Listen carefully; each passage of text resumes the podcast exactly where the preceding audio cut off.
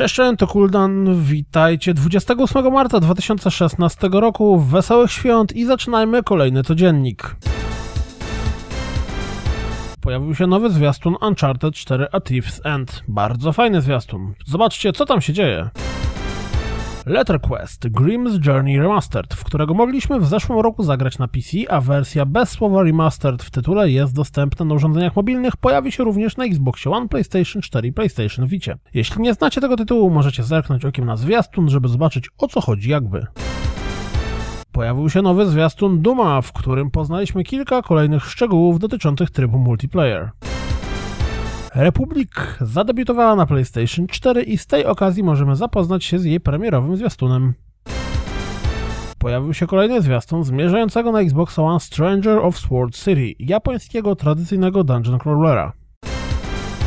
Na Steamie premierę miał przywodzący na myśl Castlevania Slain. Sprawdźcie zwiastun i zorientujcie się, czy to gra dla Was.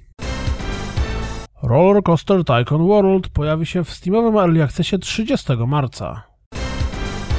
Subnautica najprawdopodobniej pojawi się 1 kwietnia w Xboxowym programie Preview. Wersja na PlayStation 4 powinna pojawić się po zakończeniu produkcji gry. Enigmatis The Ghost of Maple Creek, czyli nowy tytuł od Artifacts Mundi, wyląduje na Xboxie One 8 kwietnia. Pierwsze pudło z komercyjnym wariantem Oculus Rifta zostało wysłane. Witamy w nowej erze.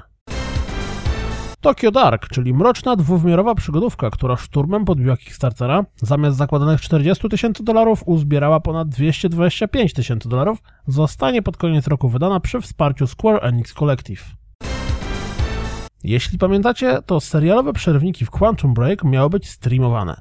Jeśli jednak zechcecie całość pobrać na dysk konsoli, przygotujcie trochę ponad 75 GB wolnego miejsca.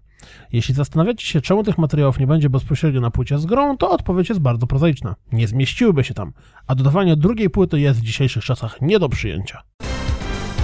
Reality Pump ogłosili, że Two Worlds 3 znajduje się w produkcji i będzie w niej przez najbliższe 36 miesięcy. Dla odmiany druga część Two Worlds dostanie duży darmowy update, który m.in. wpłynie na silnik gry oraz dwa DLC z nowymi przygodami dla pojedynczego gracza. Jeśli nie możecie doczekać się Total War Warhammer, to warto sprawdzić wywiad, w którym twórcy opowiadają o tym, co znajdziecie w grze. To wszystko na dziś, jak zawsze dziękuję za słuchanie, jak zawsze zapraszam na www.rozgrywkapodcast.pl Jeśli doceniacie moją pracę, wesprzyjcie mnie na Patronite. Jeszcze raz wesołych świąt i mam nadzieję słyszymy się jutro. Cześć!